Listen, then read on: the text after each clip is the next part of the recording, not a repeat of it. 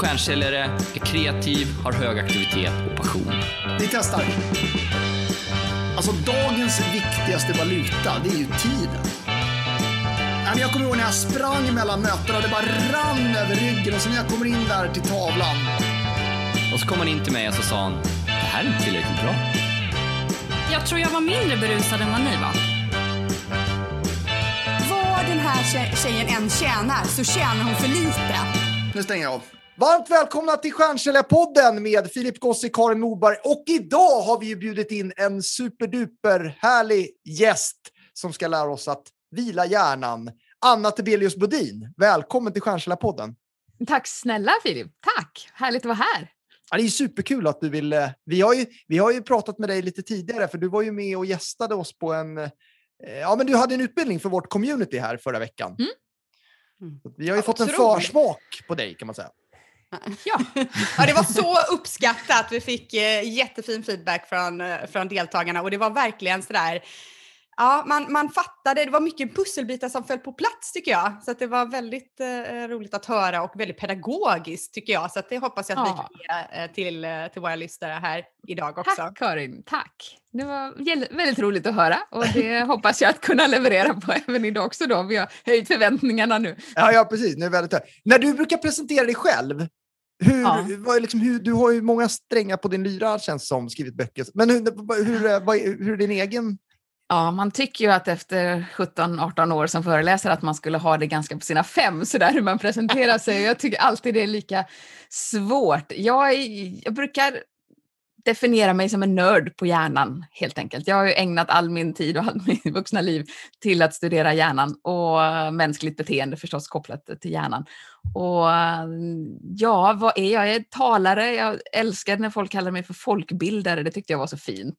Mm. Eh, men eh, sakkunnig är väl mer formellt kanske. Eh, Ja. ja. det finns så mycket olika saker, men föreläsare, jag har bara lite svårt för det där när man bara kallar sig föreläsare, för det låter som att ja, men då gör du det ju inte i verkligheten och bara talar om för andra hur de ska göra. Men, men eh, ja, jag är utbildare, pedagog. Pedagog är jag ju definitivt. Jag är så nyfiken att höra också, hjärnan, du säger nörd på hjärnan. Varför då? Alltså hur uppstod ditt intresse kring att lära dig mer liksom om, om hjärnan? Och, och hur har du lärt dig allting du kan? ja, jag tyckte ganska tidigt att det var väldigt spännande med mänskligt beteende helt enkelt. Eh, jag kunde inte leva med tanken på att vi skulle vara så himla olika varandra och allt skulle vara så oförklarligt och ja, det är som det är och det kan man inte veta varför. Och så, jag, jag bara stod inte ut med den tanken ens när jag själv var barn. Liksom. Utan vi måste väl, det måste ju bero på någonting, vi måste ju vara på något sätt av en anledning. Och då blev jag mest intresserad av pedagogik och inlärning, så, i och med att jag själv var skolbarn, liksom, som alla andra eh, barn. Så. Och då var det det som låg närmast att tänka hur, hur lär jag mig saker och hur lär, mig, hur lär sig mina kompisar saker och varför jag upplevde att det var ganska annorlunda för jag hade lite svårt att läsa och skriva och så under mina tidigare skolår.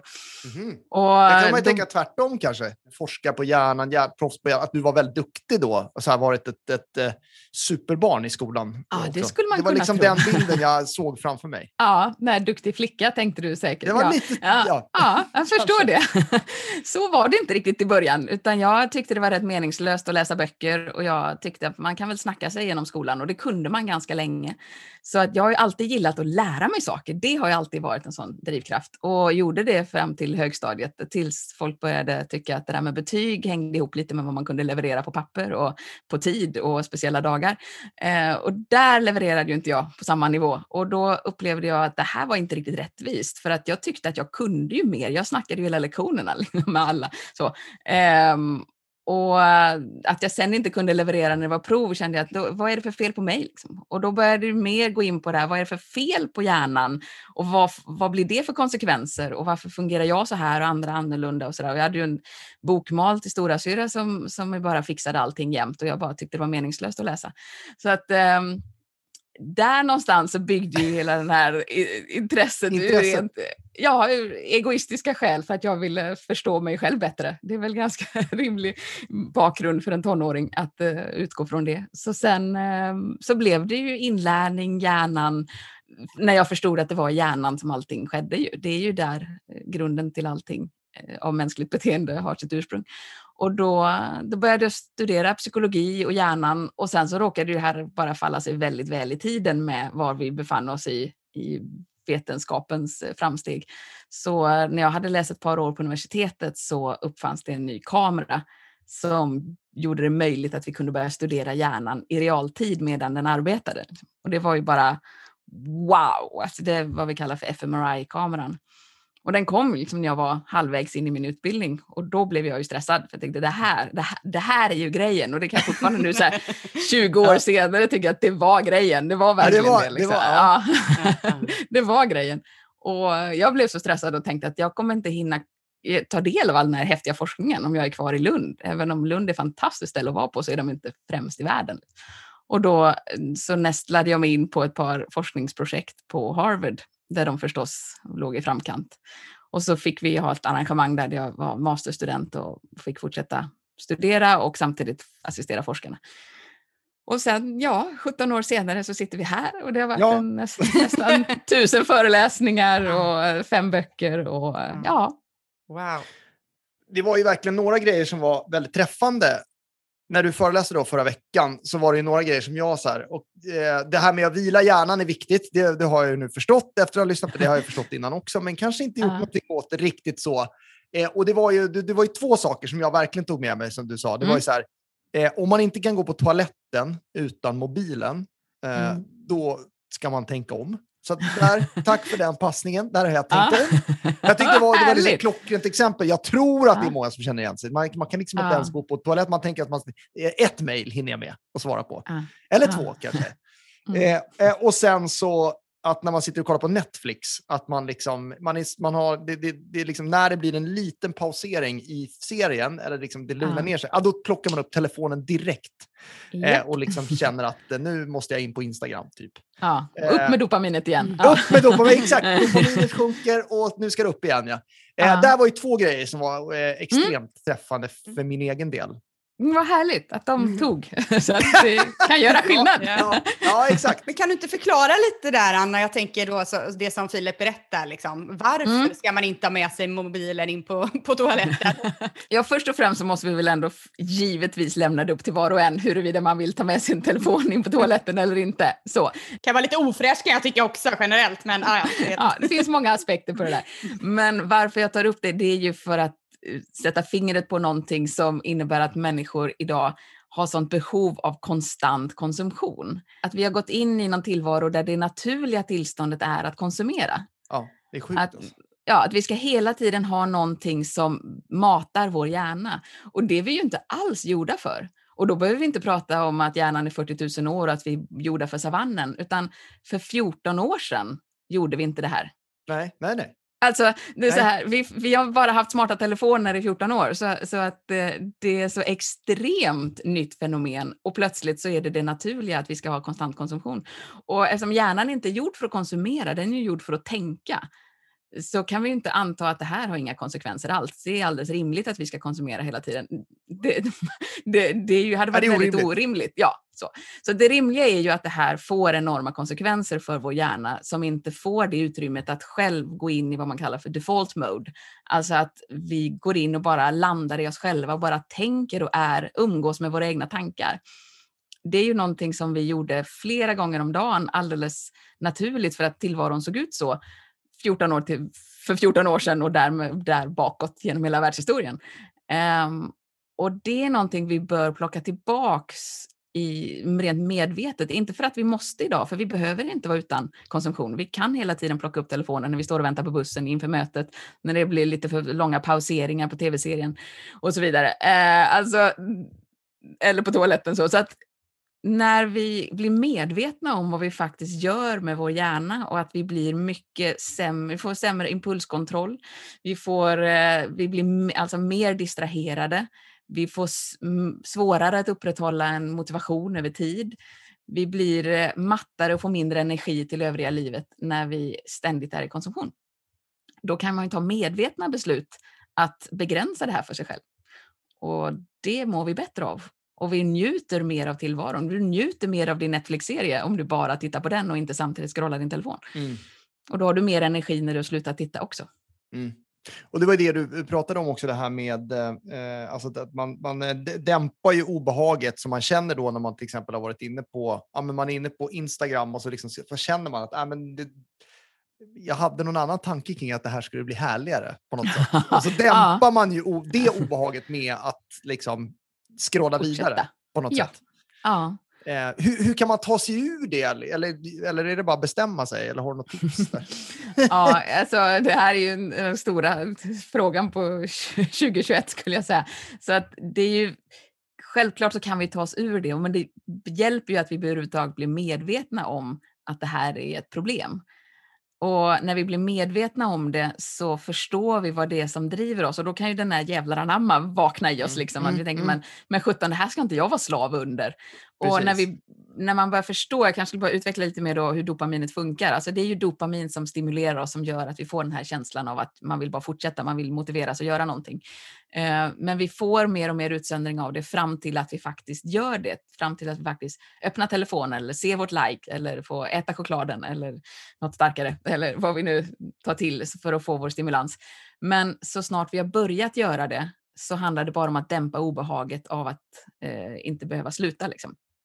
Eh, eller på obehaget av att behöva sluta.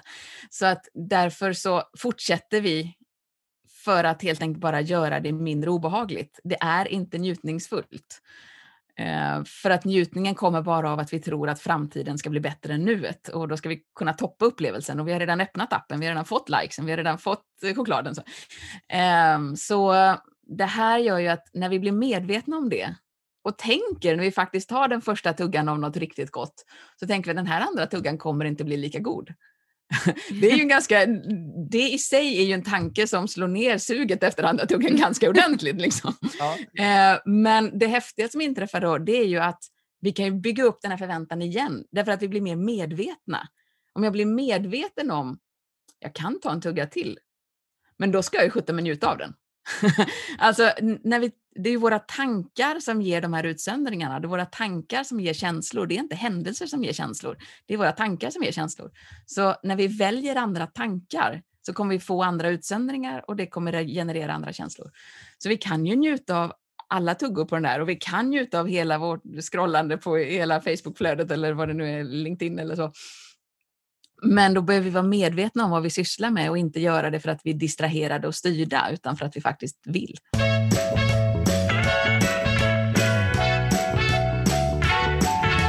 Ja, men vi har ju nöjet att samarbeta med samarbetspartners som vi faktiskt också använder och vi använder ju sen eh, ungefär ett halvår tillbaka verktyget Pleo och det har ju gjort att vår kvittoredovisning har blivit en fröjd. Någonting som tidigare var en ångest, både för de som eh, köpte någonting, det vill säga liksom användarna, men också för den som är ekonomiansvarig. Alltså det har ju förenklat världen det här med kvittohanteringen och Pleo är ju så att så fort du gör ett utlägg, antingen med Apple Pay, eh, via Google Pay eller via kortet så plingar det till i appen som man då har laddat ner till sin telefon eh, och att man ska ta en bild på kvittot. Ja, men då kommer man också ihåg som användare att faktiskt göra det. Och sen kommer då den som är ekonomiansvarig attestera den.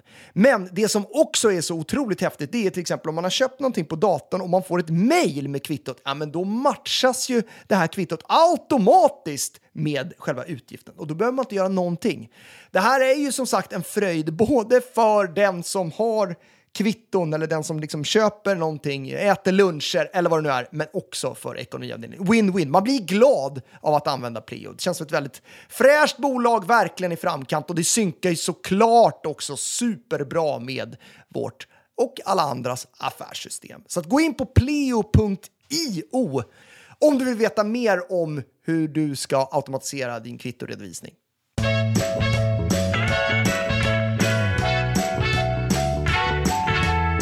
Du var inne på det här med att acceptera obehag. Mm. Jag tror du pratade om kortisol och obehag. Att man känner Ja. stress inför olika saker. Mm. Eh, och då tänkte jag så här, eh, många som lyssnar på den här podden jobbar med försäljning eh, och man, är, man, kan vara liksom, ja, man kan ha säljmöten, man ska träffa eh, människor som är ja, uppsatta, eller man träffar människor på andra nivåer eh, än sig själv. Och liksom, ja, men man sätts inför obehagliga situationer. Eh, man ska prata inför folk, man ska lägga ut någonting på LinkedIn, man tycker att det är jobb, man ska filma sig själv. Ja, det finns mycket man kan göra som Japp. är liksom uncomfortable. Ja. Hur, hur ska man tänka kring det för att ändå liksom ta sig igenom den här obehagliga zonen? Mm. Alltså, om vi utgår ifrån hjärnan igen, för att jag kan inte göra någonting annat, så handlar det om att hjärnan tolkar allt obehag som farligt. Eh, För att våra förfäder var tvungna att ha den kopplingen. Eh, för de hade inte överlevt troligen annars, för de hade varit för naiva. Så att än idag så behöver hjärnan ha som eh, reflex att är det någonting som upplevs obehagligt så är det antagligen farligt och då ska vi skydda oss och då ska vi inte göra det eller det ska vi uppfatta det som fel och bara försöka ta sig igenom det så smärtfritt som möjligt. Men när vi förstår att hjärnan gör den kopplingen så kan vi återigen välja tankar som går runt den. Som att men jag vet ju att det här är ju inte farligt. Det är bara min hjärna som försöker tala om det för mig nu. Som om vi stod, kunde stå utanför vår hjärna och prata med den. Eh, det är fortfarande hjärnan nu som pratar med hjärnan. men, men det är ändå eh, ett perspektivbyte som måste till här. Vi måste förstå att det är ju inte farligt. Men hela kroppen samtidigt signalerar ju att det är det. För vi har hög puls, vi har lite svettiga fingertoppar kanske. För, och det är för att vi ska få friktion så vi ska kunna klättra därifrån. Eh, och det behöver vi inte idag för vi ska oftast inte klättra från ett businessmöte eller säljmöte. Sådär. Eh, så vi behöver inte den här friktionen i fingertopparna. Jag fick en väldigt rolig bild i huvudet. Ja, så och vi ska heller inte slå ner någonting kan man också illustrera. Eh, vi ska inte springa ifrån någonting. Så att allt det där som kroppen gör oss redo för Ja. är ju för att klara oss från ett, ett fysiskt hot i vår närhet, liksom, som våra förfäder led av eh, eller behövde hantera. Men idag är det ju abstrakta hot. Det är ju bara vad vi tänker oss. Vad vi föreställer oss att motparten tänker och så vidare.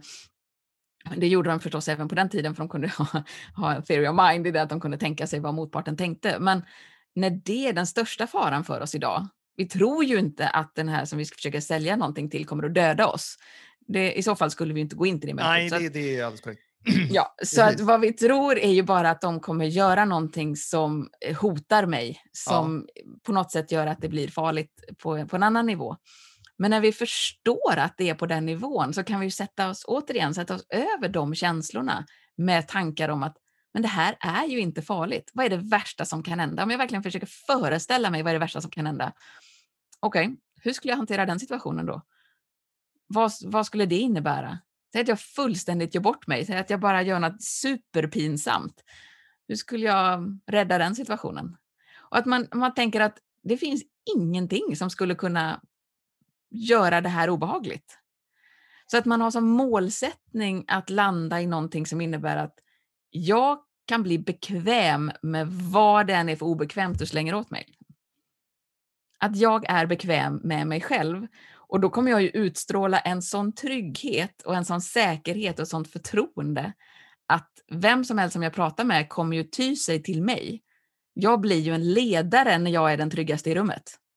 Jag behöver inte vara smartast, jag behöver inte vara snyggast, jag behöver inte vara starkast där, men jag behöver vara tryggast i rummet. När jag är det så blir jag ledaren. Och ledaren är väldigt bra att vara när man ska sälja någonting, för att folk lyssnar på ledaren. Så att du skapar ett enormt förtroende från andra människor när du är trygg i dig själv. Och det måste, ju vara, det måste ju vara genuint, så det handlar inte bara om vart du riktar blicken och kroppsspråket och allt det här som jag brukar prata om, som är oerhört viktigt också. Utan det handlar ju om att du faktiskt känner dig bekväm med det obekväma. Mm. Och då är du oslagbar. Liksom. Men har du några tips där? För jag tänker det låter ju så enkelt. Ja, men, Acceptera tänk bara. Är bara att liksom, eh, så. Bara acceptera, ja, svårt kan det vara. Liksom. Ja, nej, men lite så. nej, Eh, Och, och liksom, man förstår ju att det är tankarna, men, men tankar är Mm. ju luriga ibland. Ja, Eh, och absolut. inte alltid så lätt att ändra. Så att jag tänker Nej. att eh, är just det här som du säger, tänk dig vad är det värsta som kan hända? Är det en bra liksom, mantra eller hur ska man För tänka vissa- sig? Ja, ja, men jag förstår vad du menar. Och för vissa är det det. Därför att ofta så tänker vi inte tanken ut. Utan vi tänker tanken på åh, det kan hända och så börjar hjärnspöket och börjar det växa och så sätter vi inte ord på det. Och så låter det bara emotionellt, ja det blir ett stort hjärnspöke helt enkelt. Genom att vi sätter ord på saker, vi uttrycker för någon annan, tänk om det här skulle hända.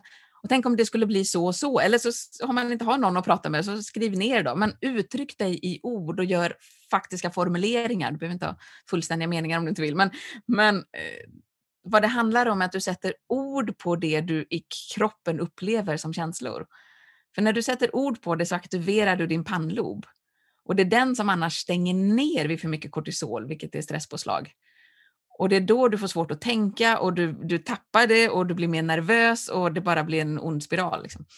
Så när vi tvingar oss själva att sätta ord på det så håller vi pannloben aktiv. Och det är där du kan rädda vilken situation som helst med din pannlob.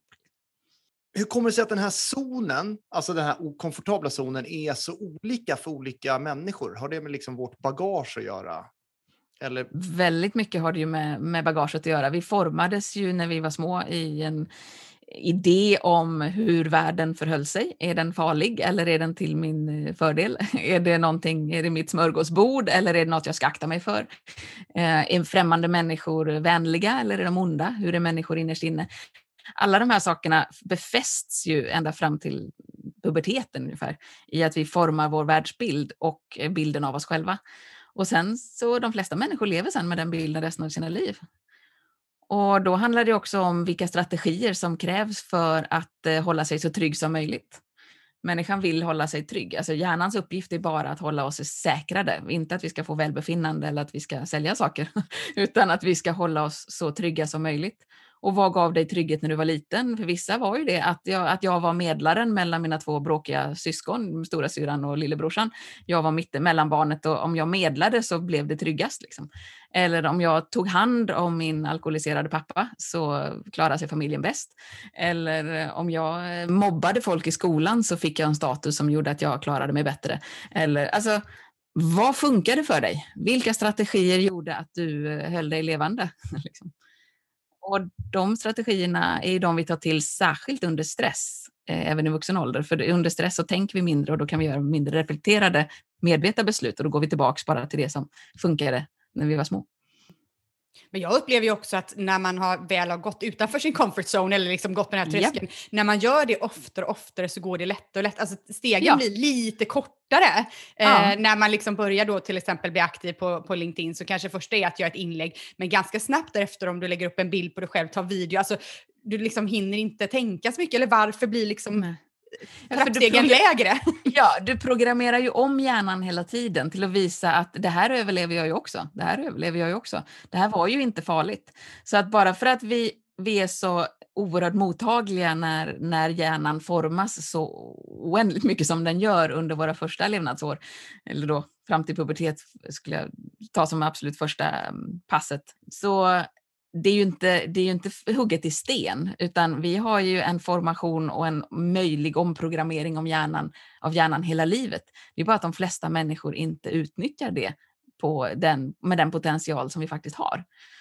Och det är därför jag säger att det lever kvar. Men jag menar, vi skulle ju inte haft något behov av terapi och sådana saker om det inte var möjligt att förändra eh, känsloreaktioner eller tankemönster eller eh, triggers av olika slag. Om, vi hade ju inte kunnat bota till exempel sån här posttraumatisk stress om, om det var fast i sten bara för att någonting hade hänt eller gett oss en viss erfarenhet.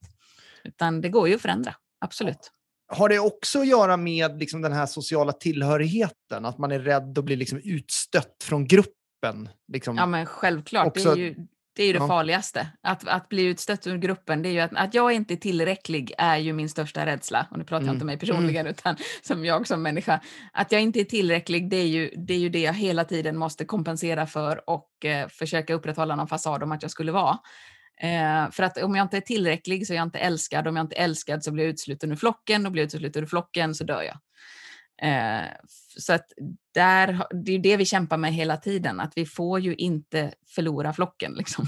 Det vill säga, vi får inte bli uteslutna ur vår sociala, vårt sociala sammanhang, för då, ja, för våra förfäder innebär det, innebar det att man dog. Man klarade sig inte ensam. Liksom. Och det är klart att när vår hjärna är programmerad efter de förutsättningarna så är det ju väldigt, väldigt obehagligt att eh, bli nekad, att bli utesluten, också att stå inför en grupp, för det betyder att gruppen är en grupp per definition och du står ensam utanför eh, och möter den här gruppen som individ och det är ju förstås obehagligt, för där är du ju mycket mer utsatt. Mm. Är det därför man ska, man har ju hört uttrycket någon gång man ska stå inför en grupp, att man ska liksom föreställa sig att alla är nakna? Ja, aldrig Är det för att- riktigt förstått den, men Nej, inte jag heller. Jag tänkte du kunde förklara det. Men jag vet inte om liksom så här, då är de mer utsatta än jag, eller? Jag jag tror att det är bakgrundsidén i att man ska tänka att eh, de är mer utsatta än jag och de på något sätt är också sårbara och så vidare. Eh, Ja, whatever works brukar jag Ja, säga. Funkar det för dig så kör! Och, och, och, och vi kan väl bara avslutningsvis också slå ett slag då för eh, to, att tomglo lite mer. Kan du, ska du dra något, vad gör man när man tom, tom, tom Ja, det är så många som tar upp just det ordet efter mina föreläsningar. Det är jag ju själv roligt. har, ja, det är tydligen ett väldigt roligt ord. Jag tycker själv att det är så obehagligt ord. Men det står ju för något väldigt fint. Det- Så att, jag vet inte vad jag har emot det ordet, men det låter så obehagligt. Tomglo handlar ju helt enkelt om att vi, som jag brukar uttrycka det, tittar långt. Alltså vi är ensamma med våra tankar. Att vi inte konsumerar. Och då brukar vissa säga, men får jag inte vara ute då? Får jag inte vara i naturen? Absolut, därför det är inte konsumtion. Att du har intryck är inte konsumtion. Konsumtion är när det är viktigare att än vad. Eh, det vill säga, du kollar din mail fast du har 500 olästa. Eh, så kollar du ändå din mail efter nya mail. Eh, du fortsätter scrolla poster på, på Instagram eller på LinkedIn, inte för att du är intresserad av att läsa, så blir det lite för långt så slutar du läsa för du vill ha hellre, hellre ha nya poster än, än att fördjupa dig i någon. Eh, och är det någon längre artikel, ja, då sparar du den till ett bibliotek du aldrig läser. Liksom. Så att, eh, vad jag menar är med konsumtion är inte samma sak som att bara vara i, få intryck, utan det handlar om att konsumera i, för att eh, döda tid nu och få en lustfylld känsla nu och så berikar det dig inte i efterhand. Så att till exempel vara ute i naturen, där behöver ju inte hjärnan jobba med någon kommunikation. Den, naturen vill dig ju ingenting, den stru- struntar ju fullständigt i att du är där överhuvudtaget. Eh, om du inte förstör den eller på något sätt påverkar. Men, men den vill ju inte kommunicera någonting till dig, vilket innebär att då då måste inte hjärnan jobba med att förhålla sig till naturen, utan den kan bara vara Utan podd i lurarna då.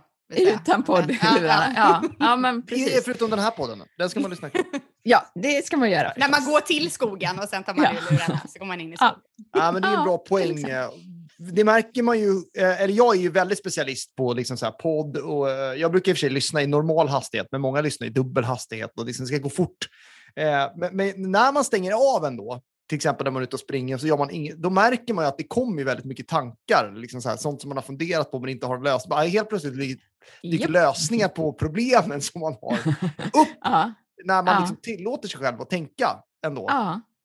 Det är ju lite det hjärnan är gjord för. Liksom. Så att det, Ja, så det är väldigt eh, rimligt att den börjar, okej, äntligen blev det tyst, nu kan jag tänka. Liksom. Tack. Ja, precis. Ja. Ja, Ja. men så är det ju. Men vi ska också, för jag känner att det är en aspekt här som vi inte tar upp som eh, känns väldigt rimlig för att inte förstöra här för någon. Vi måste ju ändå uppmärksamma att det finns en hel del människor, eh, inte så många som kanske tror sig, men finns ju ändå diagnostiserade människor som har ADHD eller andra koncentrationssvårigheter. Och då har man ju en brist på dopamin. Vilket gör att man behöver hjälp att få upp dopaminet lite oftare än vad andra människor behöver hjälp att få upp det för att överhuvudtaget ha ork att fokusera och tänka och så vidare. För vi behöver dopaminet för att tänka. Och den eh, typen av problematik innebär ju att du kanske behöver vara oftare i konsumtion än vad andra behöver vara. Och du kanske behöver ha hög musik bakom dig medan du läser till exempel, för det, det stör dig inte på det sättet utan det är själva förutsättningen för att du ska orka läsa. Men eftersom det, det är ju någonting medfött och det är ju en, en brist som får väldigt stora konsekvenser för ens liv om man, om man har ADHD eller ADD eller något sånt. Men det finns ju väldigt många människor som bara aldrig orkar vara ensam med sina tankar och tror att de behöver konsumera och att eh, kompisen med ADHD gör ju det så att det är säkert bra för mig också. Nej, det är det inte så. Nej, utan det, det, där är vi olika. Liksom. Ska vi sammanfatta då några sista eh, takes vad man eh, ska ta med sig från, från vårat chatter eh, under, eh, under den här halvtimmen eller den här poddinspelningen? Ja, Du får börja Anna. Ja, jag ska... Anna börjar. Ja. Ja, ska jag Jag börja? Eh, Jag hoppas att eh, lyssnare tar med sig eh, möjligheten att faktiskt påverka sitt eget dopamin och därmed ta medvetna beslut så att du njuter mer av det du gör medan du gör det. Och det har vi svårare att göra om man tror att man måste ha 500 kanaler på samtidigt för att njuta. Att vi stänger av ibland för att få de här pauserna så hjärnan får jobba med det den är gjord för, det vill säga att tänka. Och att eh, vi passar på att träna och röra på oss för att ge med hjärnan den energi och den rening som den behöver för att eh, fungera optimalt. Superbra. Vad tar du med dig Filip? Nej, men jag tar med mig det. Jag ska fortsätta då med att göra en sak i taget. Eh, men, Mm. men just det här med, mm, ja, men inte hundra grejer samtidigt. Och eh, tomglo ska jag göra mer också.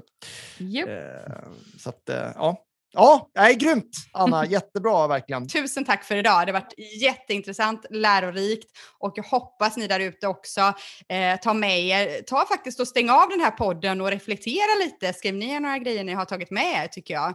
Mm, eh, och eh, tänk på era tankar. Grymt! Ha en bra vecka då! Ja, Tack snälla! nästa. Ha det bra! gör vi. Ha det gott! Hej då! Hej!